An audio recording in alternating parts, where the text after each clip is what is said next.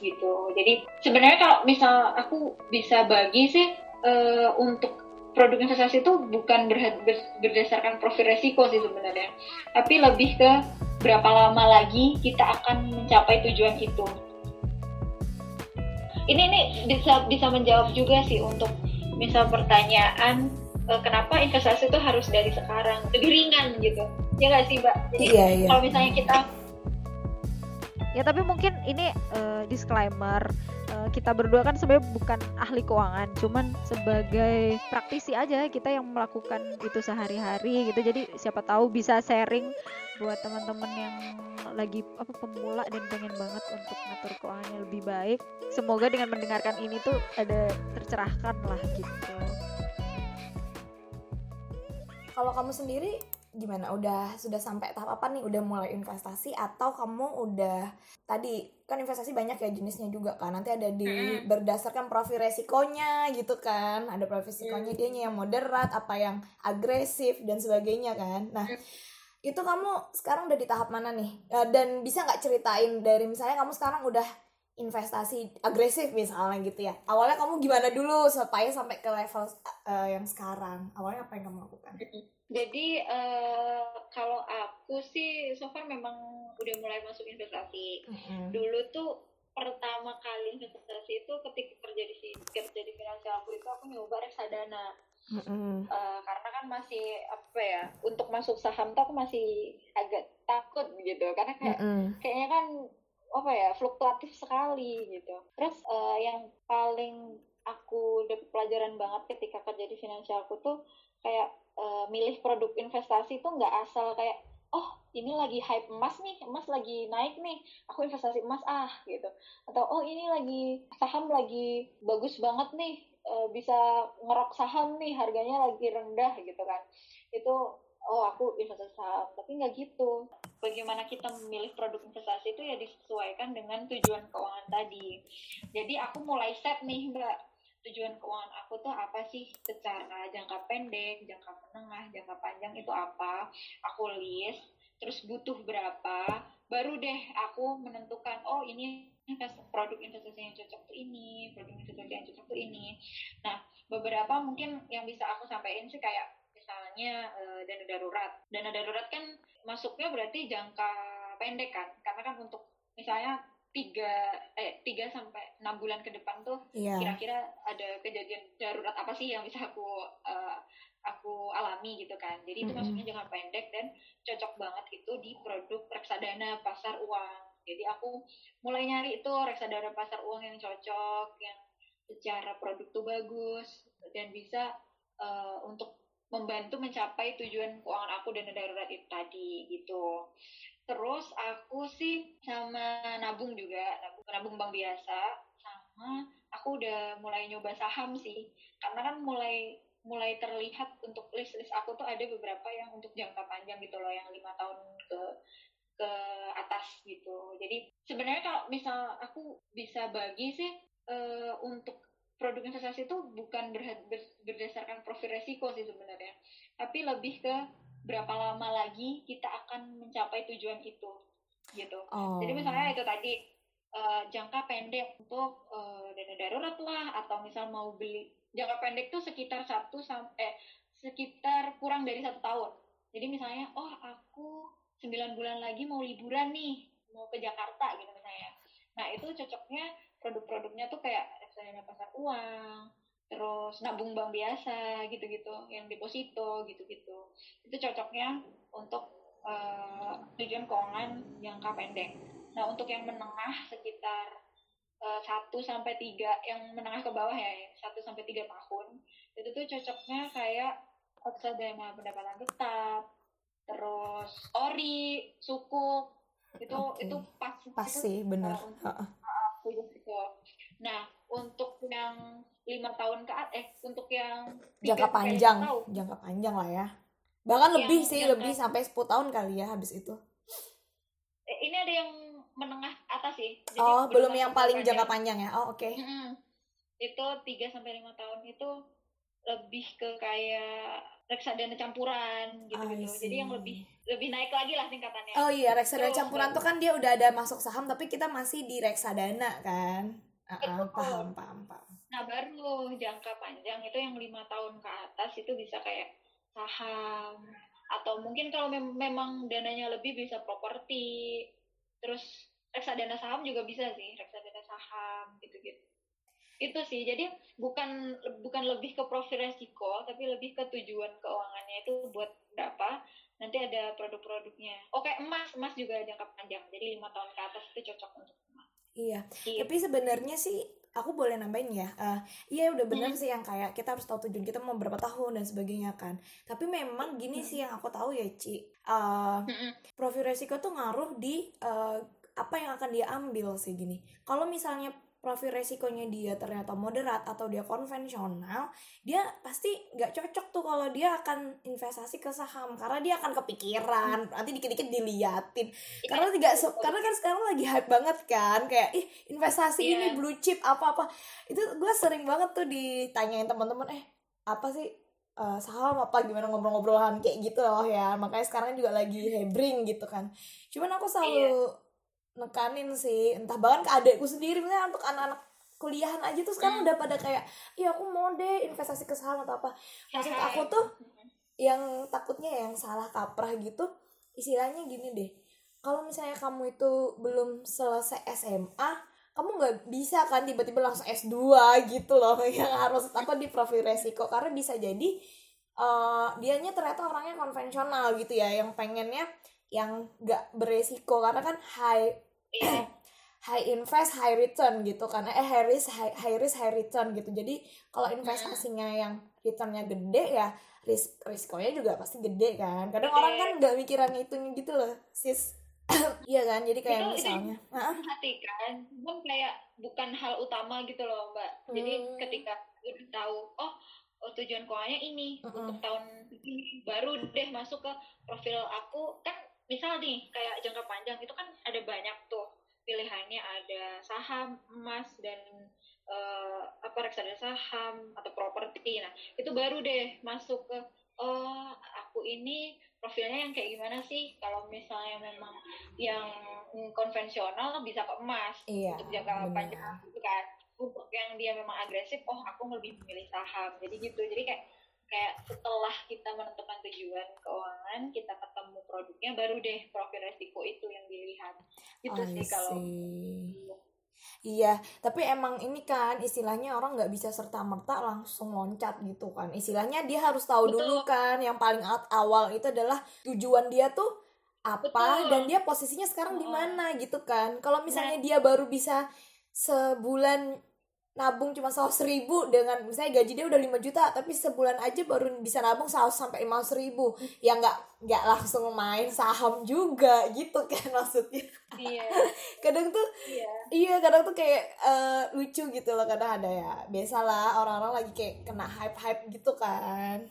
Padahal iya, iya, bener. padahal orang-orang yang udah main ke level sana ya dia udah sangat sangat baik gitu loh perencanaan keuangannya, cash flow-nya, istilahnya uh, bahkan yang aku tahu ya sis uh, kayak orang-orang yang teman-teman aku yang misalnya udah sangat bagus ya melek finansial itu bisa dibilang hmm. yang gaji dia pakai itu dikit banget sisanya tuh buat dia tabung buat dia invest atau dia punya yeah. bisnis gitu itu gimana Betul. tuh melihat fenomena ya kita kayak anak muda baru punya duit nih misalnya atau punya beasiswa itu hmm. pasti banyak yang nongkrong atau apa tuh gimana gimana? Uh, apa ya itu tuh sebenarnya kadang lingkungan juga mempengaruhi sih mbak kayak uh, gaya hidup gitu-gitu. Jadi apa ya kalau kita memang aware dari awal itu tuh pasti bisa sih untuk kita bisa masuk ke lingkungan-lingkungan yang kayak mendukung kita untuk oh uh, hidup tuh nggak cuman foya-foya gitu loh. Jadi kayak ya kita perlu untuk merencanakan nantinya gitu loh. Ini ini bisa bisa menjawab juga sih untuk misal pertanyaan uh, kenapa investasi itu harus dari sekarang. Karena uh, semakin kita sadarnya lebih nominal nabung kita tuh lebih lebih ringan gitu. Ya nggak sih, Mbak? Jadi iya, iya. kalau misalnya kita sadarnya baru uh, ketika udah umur 30-an kan ada waktu 8 sampai 10 tahun yang kita sia-siakan gitu padahal harusnya kita udah bisa nyicil dari sekarang gitu iya lebih sih. mudah lagi per bulannya nyisihin berapanya gitu kan tapi tetap yang perlu diingat tadi ya teman-teman kayak harus tabungannya dulu harus ada dulu tuh hmm. tabungan baru bisa next step. Jadi kalau misalnya bisa dikategorikan yang kita harus pertama siapkan tuh kayak bikin cash flow-nya kita dulu sih ya kan? Kita tahu nih misalnya per bulan kita dapatnya anggap aja 5 juta bersihnya gitu atau 6 juta lah standar gitu kan 6 juta nih. Dari 6 juta cash flow-nya udah dihitung-hitung uh, bayar kos sekian-sekian atau apa-apa ya tadi kan dihitung-hitung baru langsung ya udah sisanya langsung ditabung dulu jangan langsung dipakai dulu gitu kan. Terus yang kedua yeah. nyiapin dana proteksi tadi kan atau dana darurat tadi. Ketika misalnya kita uh, sakit lah atau tiba-tiba misalnya persiapan tiba-tiba di PHK lah kayak gitu dana proteksi itu ya dana cash termasuk tabungan tadi lah kayak gitu kan. Terus yang ketiga baru investasi investasi yang paling mudah adalah investasi emas ya. Atau ada yang lebih mudah? Atau ada yang lebih mudah? Gak mudah. Kalau misalnya yang jangka pendek lebih mudah mm -hmm. ya reksadana. Oh. Kalau yang jangka panjang ya emas itu sih, emas hmm. itu masuk termasuk yang enak sih. Dan langsung naik kan? Maksudnya pasti naik lah jarang lah turun ya. Pasti naik pasti, pasti naik. naik. Cuman ya itu jangka panjang. Jadi kayak untuk yang Benar. kita misal harian banget nggak bisa iya. sih ngandelin emas dan oh iya teman-teman harus tahu reksadana itu dia ada manajer investasinya. Makanya cukup aman iya. untuk yang pemula kan. Jadi kita nggak ngatur-ngatur sendiri gitu kan. Tuh jadi kita nggak nggak yang harus uh, update banget informasi terbaru gitu. Kalau saham kan sangat fluktuatif ya. Jadi misal ada berita apa tuh ngefek banget. Nah kita nggak perlu tuh sampai segitunya ngebacain berita, bacain laporan keuangan perusahaan emitennya lah gitu.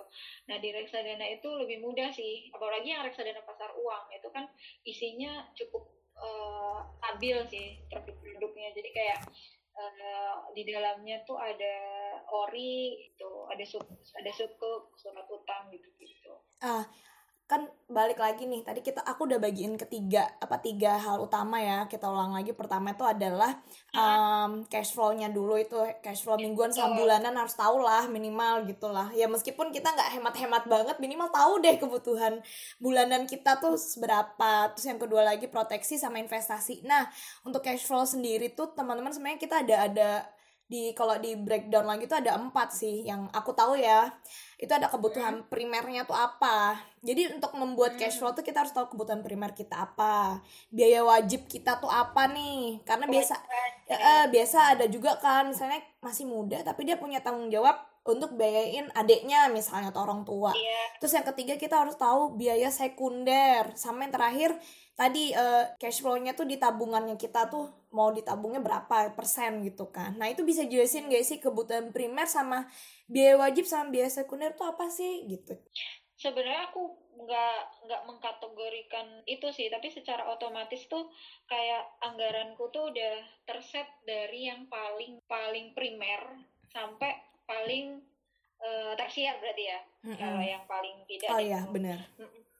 Jadi misalnya kayak ya itu tadi yang pertama banget aku keluarin adalah kayak donasi, zakat itu tuh paling awal. Jadi masuk yang primer kalau berarti dikategorikan itu tadi. Mm -hmm. Kayak baru aku masuk ke Ntar aku sambil ngeliat anggaran aku. Wah, kamu langsung bikin ya? Wah, kalau saya sih teori doang.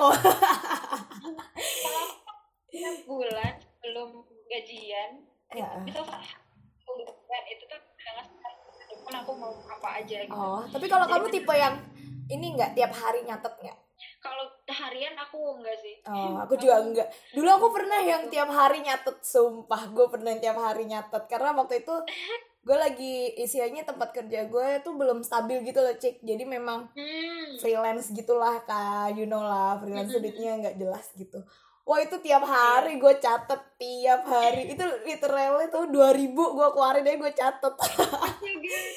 Terus iya itu tuh kayak karena bener-bener aduh darurat banget lah gitu kan karena emang eh pas pas-pasan banget ya bisa nabung bahkan. Nah terus tapi akhirnya semakin ke sini ya itu menyesuaikan aja ya maksudnya kalau iya. kalau dibebankan mata emang stres banget stres banget karena aku harus ngeliatin duit aku tiap hari. nah akhirnya aku ngeliatin itu sejalan apa berjalannya waktu kita tuh kayak tahu sendiri gitu loh kita cocoknya di mana kan bahkan kayak hmm. makanya kayak kamu bilang tadi bener sih nggak harus dipatokin sekian persen sekian persen. Jadi disesuaikan dengan kemampuan. Bisa jadi bulan ini kita lagi sakit-sakitan. Misalnya gitu ya udah iya. berarti nabungnya kan disesuaikan dulu aja lah berapa dulu persennya. Yang penting nabungannya jangan lepas tiap bulan gitu kan. Uh, akhirnya aku baginya itu kayak ya tadi sih primernya ya udah apa nih uh, yang bayar-bayar listrik, bayar apa namanya uh, kosan. Terus kalau aku kan, karena aku tuh kayak kayak aku setiap bulan tuh uh, ada yang harus aku tebus lah obat gitu ya. Karena aku tiap bulan emang harus kontrol. Jadi duit itu dulu. Sampai yang lainnya tuh kadang kalau nggak ada saya udah deh nggak jadi. Aku sering banget akhirnya nggak jadi liburan atau apa karena keluar dulu yang primer-primer kan.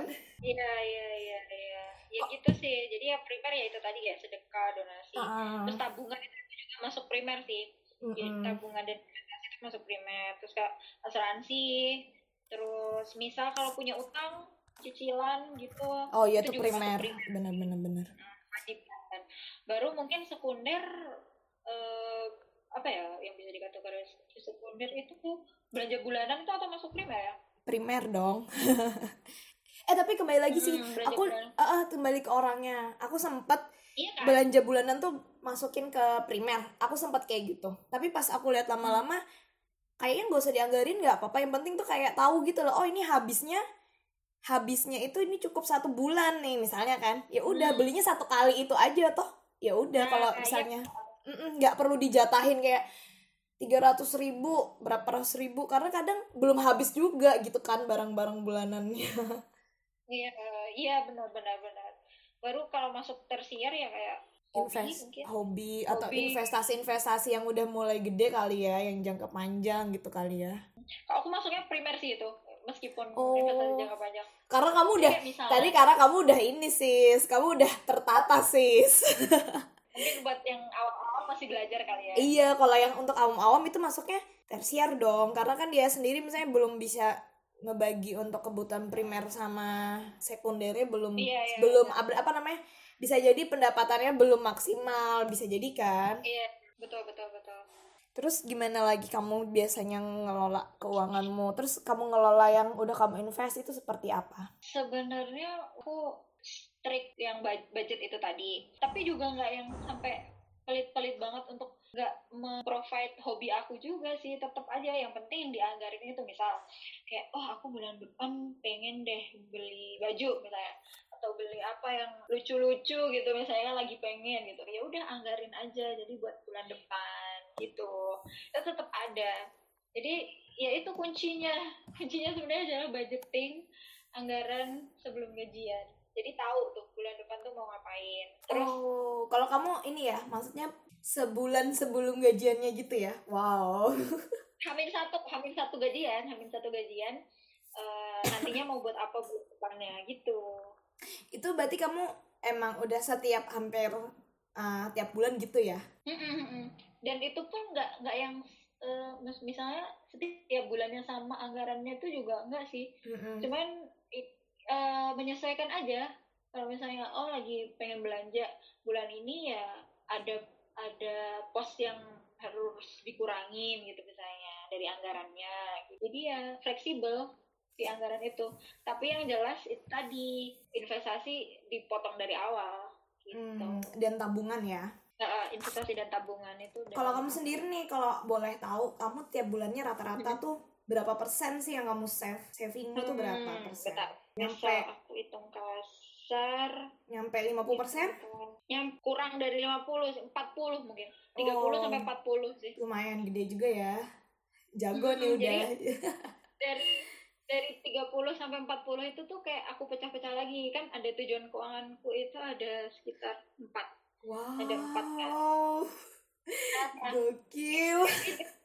Jadi dari 40 sampai uh, uh. 30 sampai 40 persen uh -uh. itu tadi tuh kayak dibagi uh, ini berapa? ini berapa, ini berapa gitu ya. Terus kalau yang buat dana daruratnya kan dari 40 persennya itu kamu dari dana daruratnya kamu ambil berapa persen? Aku sih berarti berapa ya? Setengahnya. aku tuh suka nggak persenan sih. Oh. Tapi memang pasti dari 40 persen kan itu emang buat saving nih khusus misalnya.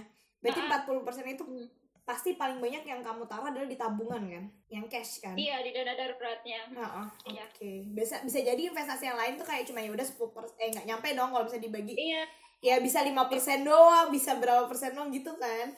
Mm itu kamu nerapin itu dari tahun kapan? Eh misalnya udah berapa tahun gitu kalau dihitung-hitung? Uh, kalau nabung sebenarnya apa ya kemampuan nabung atau kemampuan nabung sebenarnya aware akan nabung itu sebenarnya udah dari kuliah. Kayak ya ya udah misal nabung zaman kuliah tuh buat apa sih? Paling liburan atau enggak kalau buat iuran organisasi gitu kan biar tidak biar enggak merusak kalian kan ada nabung gitu gitu oh eh kok Tapi, agak beda ya? Aku nggak ngerti aku tuh antara suka nabung apa aku pelit tuh nggak tahu. Nggak. Aku berbeda loh sis. Jadi waktu SD gue nabung itu mau beli motor ya. Kalau gue dulu malah kayak step ahead gitu. Tapi sekarang malah kembali kayak sekarang tuh udah pengen lebih chill. Jadi pas kepikir gak sih gue dulu pas uh, kalau gue ya kalau lu kan maksudnya pas masih kuliah malah mikirnya ya udahlah buat senang-senang gitu. Aku dulu iya, malah iya. kepikirannya tuh mau nikah gitu kan. Kebalikan kebalikan sama sekarang. Sekarang lebih kayak menikmati hidup. Iya dulu aku sampai kayak lumayan banget gitu kan. Akhirnya tuh malah gak jadi nikah atau something like that lah kan. Gua pakai lah tuh akhirnya buat liburan pokoknya buat hura-hura. Akhirnya tabungannya jelok lagi Iya, iya, iya. Berarti kamu udah konsisten lah isinya ya dari kecil lo udah nabung sebenarnya iya. kan? Sadar sebenarnya udah sadar akan nabung. Cuman ya itu nggak tahu ya udah nabung-nabung doang gitu loh mbak. Iya sih. Nah gitu. Misalnya untuk tujuan ini gitu fix untuk tujuan ini itu nggak ada ya udah nabung doang gitu oh. untuk dulu pasti iya aku diajarin dong buat tadi untuk membagi-bagi lagi tujuannya apa. Aku tuh mau ada tujuan nih hidup aku. Nah, itu. Bagaimana nih? Aku butuh dong perencanaan jasa perencanaan keuangan yang bagus itu apa? Itu tips and trick dong. Aku bingung ini mau mulainya dari mana? Memulainya dengan mendownload aplikasi finansialku mbak. Itu ada apa aja di finansialku itu di situ tuh gampang banget. Jadi kayak yang aku ceritain tadi ya yang uh, nganggarin itu juga bisa pakai aplikasi itu budgeting tiap bulannya. Terus set tujuan keuangan itu juga bisa. Terus kalau buat yang butuh banget untuk nyatet ke pengeluaran harian, pemasukan harian gitu-gitu kan. Itu juga bisa nyatet keuangan di situ. Jadi nggak perlu lagi bikin catatan di notebook terus atau enggak pakai Excel pakai rumus-rumus gitu-gitu. Udah tinggal pakai aplikasi ini tuh kita bisa nyatet gitu aduh tuh gue banget tuh Excel. Padahal nggak bisa Excel. Iya terus akhirnya manual terus kayak di cuman di, di cuman buat nyatet doang akhirnya Excel. Makanya. Wah lebih mudah nah, ya kalau pakai finansialku ya. Mm -mm, jadi misal tiap malam tuh sebelum tidur tuh daripada mikirin mantan kan mending nyatet pengeluaran harian ya. Oh iya benar bisa pakai aplikasi ini gitu dicatetin. Oh. nah, nanti di akhir akhir bulan tuh udah kelihatan misalnya itu uh, udah udah keluar anggaran nggak sih? Nanti kalau keluar kan warnanya merah gitu. Oh gitu. terus ada laporan ada laporan bulanannya jadi kita bisa melihat oh bulan wow. ini tuh aku pengeluaran untuk makan tuh segini gila ternyata banyak banget gitu berarti tuh berarti tuh, tuh kalau dia yang kan. kalau itu yang nyatetnya kalau dia yang harian ya iya harian harian nanti jadi terakumulasi gitu loh di akhir bulan terus kalau misalnya aku males nih harian itu bisa nggak ngesetnya per bulan aja deh gitu ntar lupa dong kalau ngisinya per bulan hmm. transaksinya Oh jadi dia kayak uh, per hari gitu dicatat ya. Kalau misalnya aku cuman mau kayak ngasih pos-pos aja gitu, nggak apa-apa. Bisa nggak ke tracking? Oh bikin bikin anggaran maksudnya? Iya anggaran pos-pos bulanan aja gitu. Nggak dicatat nggak dicatat tiap hari gitu bisa nggak? Bisa sebenarnya, cuman jadi nggak ada akumulasi bulanannya nanti. Hmm. Cuman anggaran doang kan jatuhnya. Oh gitu. gitu. Terus apa lagi dapat apa lagi sih kalau di situ tuh biasanya? Itu kita bisa bikin tujuan keuangan kan rencana keuangan kita mau apa di situ ada banyak misal oh aku mau menikah misalnya ada juga terus ada membeli barang atau mau uh, beli kendaraan mau liburan nikah gitu. Tuh udah ada perhitungannya kuliah, gitu. Jadi kuliah kita, lanjutan gitu ya? Mm -mm, jadi misal dia mau beli barang oh aku mau beli berapa bulan lagi terus kayak dana yang tersedia berapa. Terus nanti itu jadi ketahuan gitu loh kita harus nabung per bulannya tuh berapa gitu. Jadi lebih lebih tertrack lah gitu. Bisa investasi juga sih di sini. Jadi kayak investasi reksadana ada ada ada pilihannya di sini produknya. Oh jadi kayak gitu. one apa sih one step solution gitu ya langsung semuanya ya? Iya, semuanya. Tinggal klik ya. Itu nanti kayak ada webinarnya tuh gratis gak sih atau berbayar? Kalau webinar sebenarnya kita ada yang gratis ada yang berbayar kalau yang berbayar itu sih grup belajar sih jadi misalnya oh. aku pengen pengen tahu nih cara milih uh, produk ref, apa reksadana yang cocok buat aku tuh yang mana sih yang baik gitu karena kan dari produk reksadana tuh banyak banget kan banyak dan banget. kita nggak tahu tuh mana yang cocok dengan tujuan keuangan kita gitu itu itu ada grupnya grup belajar reksadana. Terus buat yang tertariknya saham juga ada grupnya. Oh dipisahin nah, itu, gitu ya? Dipisahin dipisahin. Jadi misalnya kalau mau yang ikut yang saham bisa. Ikut reksadana juga bisa.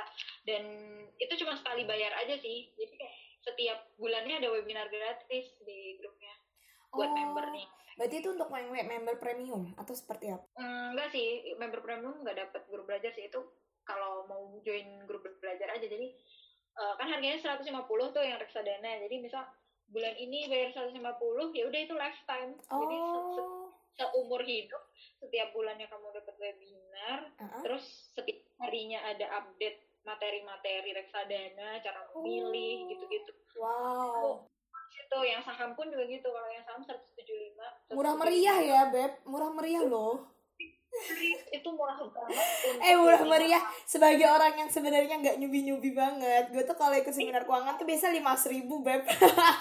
Tapi gue niat sih gue niat sih. Maksudnya mungkin tiap orang beda-beda ya kebutuhannya. Yeah, emang betul. untuk level-level yang biasa. Karena kalau webinar gratis kan maksudnya kayak penjelasan dasar banget gitu kan. Tapi kalau yang untuk sampai lima ribu atau bahkan ada yang jutaan itu emang dia udah levelnya udah deep banget sih kayak udah udah sampai kayak Bukan. buat isinya kayak otak lo tuh udah panas lah bener bener. Tapi kalau ini berarti bukan berarti berarti tetap di grup ini kita tetap bisa nanya, nanya lanjutan tadi kan? Jatuhnya murah banget kan? bisa. Bisa bisa nanya nanya juga nanti uh, kan ada mentornya juga kan oh ada mentornya juga. Wow. Mm -hmm. kalau misalnya itu untuk, murah banget. Iya itu murah banget sih murah banget sih. Bisa dibilang ya elah seratus lima puluh ribu tuh kita bisa beli kopi kopi ya kan? Nongkrong ya iya. Kalau ini tuh akses akses buat belajarnya dan itu bisa iya. lanjut ya gak cuma sekali kan maksudnya. Mm tiap bulannya ada lagi. Terus yang paling yang gratis juga ada sih. Mm-mm. gratis itu biasanya di YouTube live. Jadi tiap hari Jumat jam 8 tuh selalu ada di oh. YouTube live ini terus kalau misalnya kayak mau konsul gitu konsul keuangan konsul, itu berbayar ya berarti? Hmm, kalau memang mau yang one on one jadi kayak privat banget sama free itu bayar lagi. Tapi kalau mau konsul yang via aplikasi itu juga bisa sih. Jadi misal langganan langganan premium tuh satu tahun kan 350 tapi kalau nanti ngecat aku minta kode promo bisa jadi 300 ribu. Jadi promo. Jadi 300 ribu. tiga ratus ribu untuk satu tahun itu nggak ada seribu loh per harinya. Lebih mahal bayar pikir eh benar juga ya. Iya nih aku harus premium ya. nih. Asik ya. Eh tapi aku tuh masih paling gimana? Gimana gimana? Bisa cetak sama si FP kita kapan pun mau siapa pun nggak serius? serius? Iya wow. Jadi misal mau mau ngecek kesehatan keuangan di situ kan ada financial health check up kan. Uh, uh, nah itu tanyain aja tanyain aja ngecat ngecat ke si FP-nya e, eh, mbak uh, ini hasil F, apa financial health check up aku gitu. Terus ditanyain aja apa yang kurang apa yang harus diperbaiki oh, gitu, gitu itu kalau misalnya kalau udah premium itu gratis tuh konsultasi keuangannya. Gratis gila. Gratis Eh, ini aku malah jadi kayak promosiin punya lo sebenarnya tapi enggak ini aku benar excited loh karena biasanya tuh iya. konsultan keuangan misalnya ya aku nggak tahu sih mungkin ini isinya yang premium tapi uh, levelnya mungkin bukan yang konsultan yang untuk sampai kita mungkin ini yang untuk user-user yang bukan sampai ke hutang-hutang gitu kali ya konsultasinya iya. beda lah ya. Oh itu tetap berbayar lah ya kalau yang untuk utang bisnis dan yang udah sampai miliaran kali itu beda kali ya. Betul ini berarti yang untuk yang istilahnya kita konsultasi yang istilah uh, untuk sehari-hari lah ya atau perencanaan yang istilahnya jangka menengah atau jangka panjang tapi bukan yang sifatnya bisnis kan? Iya betul. Hmm, terus apalagi sih yang biasanya tuh kalau uh, anak-anak muda yang kayak anak-anak fresh grad atau yang kayak kita tuh apa sih? Apalagi yang perlu kita ketahuin selain yang tadi ya kayak harus tahu dana darurat dan sebagainya. ya sebenarnya udah cukup sih untuk untuk dasar kita. Ini coba aku masuk lagi. Masuk ke reksadana kali ya sama yang tadi kan kamu udah nyebutin emas sama reksadana. Nah kalau reksadana ya itu dari fund exit jadi ngelihat dari fund exitnya terus ah, kayak high low-nya uh, mungkin ini ada beberapa istilah-istilah yang terkesan awam untuk orang-orang iya nggak apa-apa disebutin dulu aja uh, jadi kayak high low-nya, Sharpe ratio-nya, terus kayak oh. aumnya dana dana kelolaannya itu ada berapa besar. Nah, terus dan itu untuk di uh, reksadana pasar uang doang ya. Kalau misalnya reksadana yang lain ada perbedaannya enggak? Ininya apa namanya yang kita lihat itu apa? Penilaiannya sama indikator sebenarnya dari indikatornya itu sama ya AU, SEPI, Drawdown gitu mm -hmm. cuman nilainya aja yang berbeda. Ini lebih lengkapnya sih ada di YouTube jadi mungkin nanti aku kasih linknya kali ya. Iya mau dong mau. Nanti